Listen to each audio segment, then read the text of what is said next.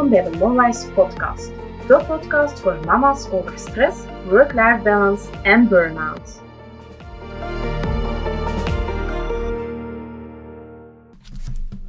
Welkom in deze negende aflevering van de Monwise Podcast. Deze aflevering is voor die mama's en papa's die voelen dat het allemaal te veel aan het worden is. Of die net de diagnose overspannenheid of burn-out gekregen hebben van hun huisarts. Ik spreek uit eigen ervaring als ik zeg dat het niet gemakkelijk was om de weg te vinden naar wat voor mij het beste pad was om te herstellen en ook wie mij daar het beste kon bij helpen. Vandaar dat ik deze aflevering maak, om die zoektocht voor jou te vergemakkelijken.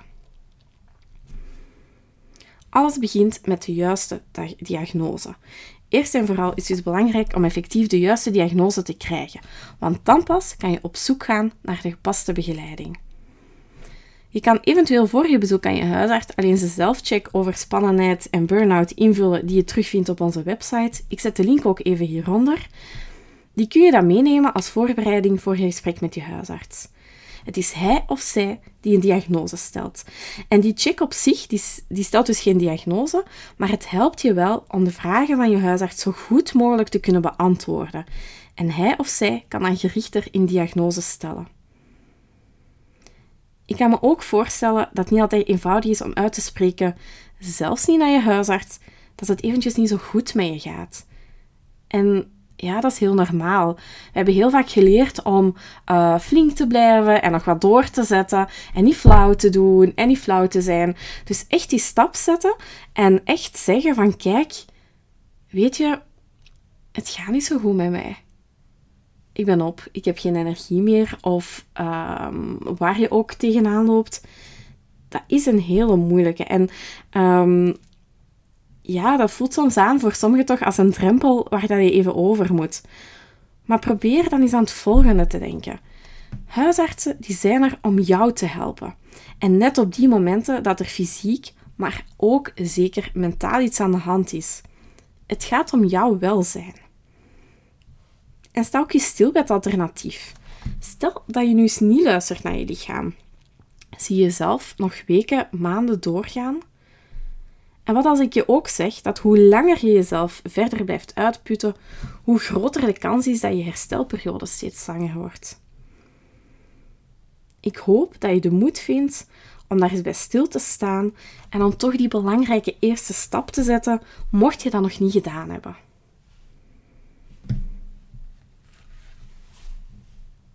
De volgende stap is de stap van aanvaarding. Daar sta je dan je huisarts heeft het al dan niet net uitgesproken. Ehm, misschien is er iets anders aan de hand. Uh, dan mag je gerust verder luisteren. Maar stel dat jouw huisarts net die diagnose heeft um, ja, uitgesproken van oké, je bent echt zwaar overspannen. Um, je loopt tegen een burn-out aan of je hebt een burn-out. Ja, daar sta je dan. Het is eruit. Misschien ben je opgelucht dat iemand anders het benoemd heeft, maar het zou ook kunnen dat je heel veel weerstand voelt bij jezelf. Van, oh, het kan toch niet waar zijn? En ja, dat je misschien al in, in doemscenario's denkt. Wat het ook is, neem de tijd om in eerste instantie te aanvaarden dat het nu tijd is om eerst aan jezelf te denken. Aan jouw gezondheid en om te focussen op het herstel van jouw lichaam. Hoe moeilijk dat dat ook is. Voor sommigen kan dit pas als ze goed begrijpen wat er gebeurd is in je lichaam en wat het nu nodig heeft. Waar komen die symptomen vandaan en wat is er nodig om aan je herstel te kunnen beginnen? Ik ga hier in deze aflevering nu niet te diep op ingaan, uh, maar ik ga dat zeker in een latere aflevering nog eens aan bod doen komen. Het allerbelangrijkste is um, dat je goed luistert naar je huisarts. Ik kan het niet genoeg herhalen. Hij of zij, ze zijn getraind, opgeleid om jou uh, ja, hier een diagnose in te stellen. En heel waarschijnlijk zal die jou rust voorschrijven. En ja, ik wil hier toch even de mythe doorprikken dat je herstelt van overspannenheid of een burn-out door enkel te rusten op je zetel of je bed. Hè? Want um, ja, als je zo ver over je grens gegaan bent, dan ben je zo moe. En ja, wat je dan alleen maar wil, is vaak rusten. Um, soms tegen je zin in. Hè? Want het is wat ik net zei, misschien ben je nog in die fase van oh nee, ik wil dit niet, ik wil dit helemaal niet, ik wil kunnen blijven verder doen. Maar one way or another ga je toch moeten rusten. En ja, heel vaak wordt gedacht dat je, uh, ja, dat, dat je gaat herstellen van een burn-out door alleen maar te rusten en te slapen. Dat is dus niet zo. Als je echt heel uitgeput bent, is dat natuurlijk wel het eerste dat je wil gaan doen, zoals ik net zei, en het liefst zoveel mogelijk. Logisch ook, hè? jouw lichaam pruttelt misschien tegen om nog iets anders te kunnen doen. Maar probeer dat toch maximum tot een tweetal weken te beperken om echt alleen maar te rusten en start daarna weer door periodes van rust tijdens je dag af te wisselen met lichte activiteiten. Liefst iets dat je leuk vindt om te doen, iets waar je nog eens energie van krijgt. En dat is belangrijk waarom? Omdat je door alleen te rusten niet herstelt. En waarom is dat nu? Je lichaam is zo gebouwd dat het zichzelf kan herstellen, mits een beetje inspanning van jou. En hiermee bedoel ik dat je door lichte ehm, ja, echt energiegevende activiteiten. Dus dingen die je leuk vindt, die ehm, hoeven ook niet gelijk super lang te duren. Um, maar op die manier ga je de herstelhormonen in jouw lichaam aan het werk zetten.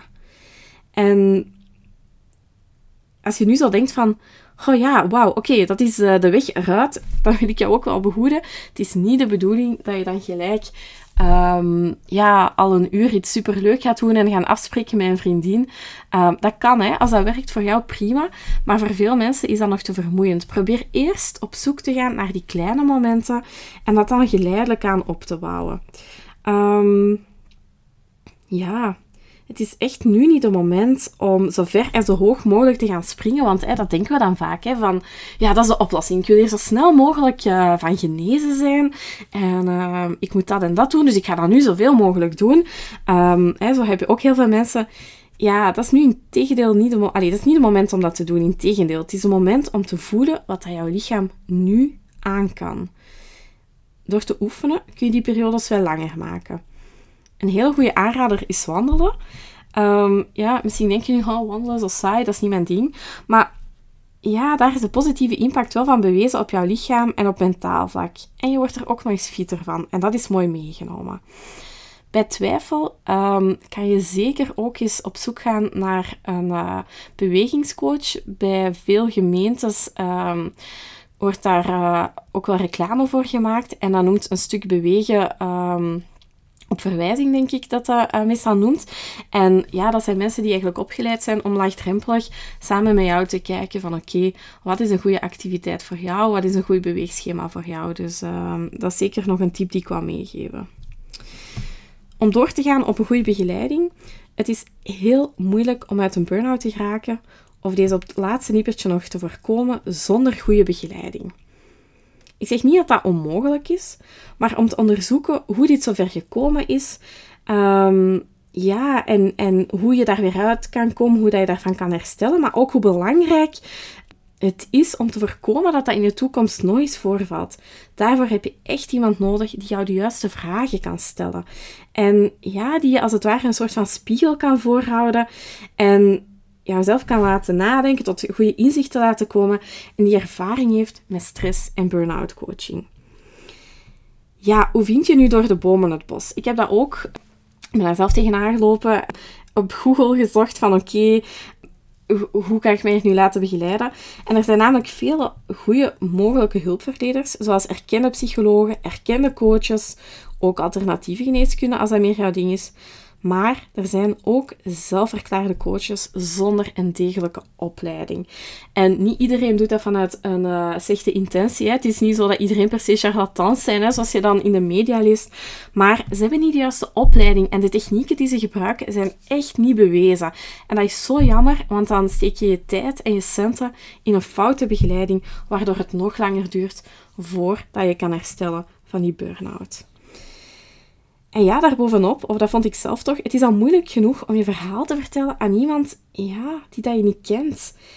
Ja, daarom is het toch wel zo belangrijk dat je meteen bij de voor jou juiste hulpverlener terechtkomt. Nu, over de keuze tussen psycholoog of coach ga ik dieper in in een volgende aflevering. Maar wat ik wel al wil meegeven, heb je al een reeds gekende andere psychische aandoening of heeft je huisarts een vermoeden daarvan, dan raad ik je sowieso aan om gelijk contact op te nemen met een psycholoog. Een coach kan je al heel goed begeleiden, maar in geval van ook een andere psychische aandoening, dan is de psycholoog toch wel de meest aangewezen persoon. Let ook wel op, niet alle psychologen hebben ook een doorgedreven expertise in stress- en burn-out coaching. Als je huisarts je doorverwijst naar een psycholoog die ze kennen, durf dat dan ook kritisch te vragen of die daar ook in gespecialiseerd is. Iedereen heeft zo zijn specialisme, maar dus niet alle psychologen zijn ook effectief doorgedreven experten in stress- en burn-out coaching. Maar vooral, en dat is echt de belangrijkste tip die ik je kan meegeven, is kies voor iemand die dus een degelijke opleiding gevolgd heeft, maar ook met wie je een klik voelt. Een tip die ik hier kan geven is, ga eens kijken naar hun website. Die zegt al iets over hun. Uiteraard ben je welkom bij Monwise Coachpraktijk, maar heb je toch zoiets van, oh, ik zou toch liever iemand hebben die wat dichter in mijn buurt is, dan vind je die via www.vesb.eu. Ik ga de link ook weer hieronder zetten. Daar vind je een lijst van coaches en psychologen in jouw buurt die een erkende opleiding rond stress- en burn-out coaching hebben gevolgd. En niet alleen dat, niet één keer een opleiding gevolgd, maar die ook verplicht um, bijscholingen moeten vormen, uh, volgen intervisies met andere um, collega's en experten, zodoende dat ze ook niet stilstaan en dat ze continu hun kennis up-to-date houden en hun ervaring rond stress- en burn-out coaching. Zij kunnen jou helpen om jou op maat te begeleiden in jouw herstelproces, want dat is echt belangrijk. Het is jouw herstelproces en dat is voor iedereen een stuk gelijk, maar toch ook individueel. En ook eventueel om jou in contact te brengen met andere hulpverleners, die, ja, als ik het dan toch zo cru mag stellen, echt geen charlatans zijn. Heb je zelf de fut niet om iemand te vinden? Want dat kan ook, hè. Um, uiteraard kan dat ook. Vraag dan hulp aan iemand die jou goed kent en die je vertrouwt om die zoektocht voor jou te starten. Misschien jouw partner, misschien uh, een hele goede vriend of vriendin. En vraag hen, uh, zeg hen wat dat je nodig hebt, waar ze moeten gaan kijken. En vraag hen om een top 3 te geven. Zodat je zelf maar uit drie dingen moet kiezen. Uh, en dat je kan aangeven van oké, die of die wil ik wel contacteren. Ook belangrijk, laat je niet ontmoedigen als je bij een eerste kennismakingsgesprek met iemand de klik niet voelt. Het is echt zo belangrijk dat je op je gemak voelt. Dus durf dat ook rust aan te geven als het niet klikt. Uh, dat is heel menselijk. Het is zo dat een goede psycholoog, een goede coach kan iedereen uh, coachen. Dat is zo, technisch kan dat. Maar we zijn allemaal mensen en je hebt nu eenmaal een ja, betere klik met de ene als de andere. En het voornaamste is dat jij je op je gemak voelt, uh, dat je in alle vertrouwen, in alle rust, ja, aan jouw herstelproces kan beginnen, aan jouw begeleidingsproces daarin kan beginnen. Ja, en dan mag ja, een bad vibe of een slechte klik mag dat echt niet in de weg staan ja, durf dat gewoon ook aan te geven en neem dan contact op met de volgende coach of psycholoog die op jouw lijstje staat. Ik raad je zeker niet aan om uh, te gaan shoppen en uh, er tien op voorhand te gaan bezoeken. Doe het één per één. Maar als je gewoon merkt van, oké, hier zit het niet goed, geef dat gerust aan. Dat is geen probleem. Dat is heel open, dat is heel eerlijk. En dan ga je gewoon verder. Het is belangrijk dat jij de persoon zoekt die het beste geplaatst is om jou hierin te begeleiden en waar dat jij het beste gevoel bij hebt. Voilà, dat waren al twee hele grote stappen. Maar dan is er ook nog die andere hulp die je misschien nodig hebt. En dat is hulp vragen aan anderen. Het is nu echt wel tijd om een aantal dingen of extra taken in jouw huishouden of de zorg voor je kinderen uit handen te gaan geven. Hoe lastig dat je dat ook vindt. Misschien weerhoudt een stemmetje in je hoofdje daarvan. Maar het is echt tijd om eerst goed voor jezelf te zorgen. Onthoud ook dat dit niet per se voor altijd zo gaat moeten blijven. Maar voor nu is het even nodig. Het zou kunnen zijn dat je denkt van, oh, maar ik wil dat niet uit handen geven en, en ik wil zelf alles kunnen doen, ik wil zelf voor mijn gezin zorgen. Ja, heel begrijpelijk. Maar nu is het echt tijd om even voor jezelf te zorgen. En is het belangrijk om hulp te vragen en ook te aanvaarden van anderen. En ja, daarom probeer te onthouden, dit is niet voor altijd, dit is niet voor altijd. Ik heb even hulp nodig en ik ga dat gewoon even toelaten. Hoe moeilijk dat ik dat ook vind. En Meestal ben je nu in een fase dat oplossingen bedenken niet zo vlot meer gaat. Je brein werkt misschien eventjes niet zoals het anders doet en je bent al uitgeput. Dus durf ook hier weer aan je partner vragen of een goede vriendin om je daarin te helpen. Om te kijken van oké, Wat wil ik uit handen geven? Wat kan ik uit handen geven? En wie kan mij daarbij helpen? Moest je denken, ja, ik wil die echt niet tot last zijn, ik ga dat echt niet vragen. Laat ook die gedachten weer los en denk, ik gun hen de kans om mij hierbij te helpen in plaats van machteloos te moeten toekijken. Want dat is het ook vaak. Hè? Ehm, het gaat hier over jou. Het is jouw herstelproces. Maar je bent vast omringd door mensen die van jou houden. En die staan dan machteloos toe te kijken. En die weten ook vaak niet zo goed van, ja, hoe moet ik hier nu mee omgaan? Wat heb je nodig? Ehm, ja, geef het aan. En zeg gewoon, geef aan van, kijk, ik kan een aantal dingen even niet meer zelf doen. Kun je mij helpen om dat te bekijken? En ik ben er echt zeker van dat iemand in jouw omgeving die jou heel graag ziet, jou daar met alle plezier wil mee helpen om daar eens naar te kijken. En ja, nog eens, praat genoeg met hen over wat dat jij nu nodig hebt om te kunnen herstellen. Gaat dat over rust nemen? Leg dat dan ook uit. Gaat dat over een tijdje even niet kunnen afspreken met vriendinnen? Leg dat dan ook uit. Blijf daar niet mee zitten. Ze gaan dat echt wel begrijpen, want dat is vaak wat dat we nog denken op die moment van, ja, ik wil je niet tot last zijn. Um, ik wil niet ambetant doen. Ja, laat het los. Het gaat om jou. Nu is het tijd om aan jou te denken. En ja, ook gewoon echt heel erg goed voor jezelf te zorgen. Jouw gezondheid is nu prioriteit nummer 1. Punt. Tot slot is er ook nog iets heel belangrijks dat is de communicatie naar je werkgever. Hè. Tenzij je zelfstandige bent, uh, dan heb je misschien iets te communiceren naar je klanten. Maar ik wil hier even stilstaan uh, vanuit mijn ervaring met personeelsmanagement en communicatie naar je werkgever. Uiteraard is dat ook belangrijk om met hen het gesprek aan te gaan of om hen zeker op de hoogte te houden. Misschien raadt je huisarts aan om minder uren te gaan werken of om eventjes helemaal niet te werken. Het hangt ervan af. Hij of zij gaat proberen in te schatten wat jij nodig hebt om um, ja, hieruit te komen en om jouw batterijen weer op te laden. En um, ja, natuurlijk is dat belangrijk dat je daar ook over spreekt met je werk. Je werkgever ja, die rekent op jou om het werk gedaan te krijgen. Indien jij er niet bent, dan is het belangrijk dat zij ook weten wat te verwachten, zodat ze het werk anders kunnen organiseren. En ik zeg dat niet om jou een schuldgevoel te geven, want zo ken ik ook heel veel mensen. Ik was zelf ook zo, hè, dat ik dacht van, oh nee, ik kan dat hier toch niet zeggen. Ze rekenen op mij en ik moet helpen, want anders dit of dat, het werk blijft liggen. Dus ik zeg dat niet om jou een schuldgevoel te geven, maar eventjes de context scheppen, de situatie. Ja, een bedrijf heeft nu eenmaal werk en dat werk wordt verdeeld onder de mensen die er zijn. En als jij daar niet gaat zijn, ja, dan moeten zij daar ook een oplossing voor bedenken. Ja, dat gesprek aangaan, dat is dus niet altijd even evident. Je voelt je misschien schuldig, zoals ik net zei, maar probeer dan echt wel te denken van, ja, weet je, ze gaan er meer aan hebben dat ik nu volledig ga voor herstel, dan dat ik binnen de kortste keren er weer uit lig en waarschijnlijk voor langer. Ik mag dus nu echt wel kiezen voor mijn eigen herstel. Een goede werkgever heeft hier begrip voor. Hoe lastig dat, dat voor hen ook is. Hè? Het is altijd lastig om mensen te missen. Maar een goede werkgever die gaat begrip tonen en ja, die gaat appreciëren dat je open zegt waar, waar het op staat. En die gaat jou de kans geven om te herstellen.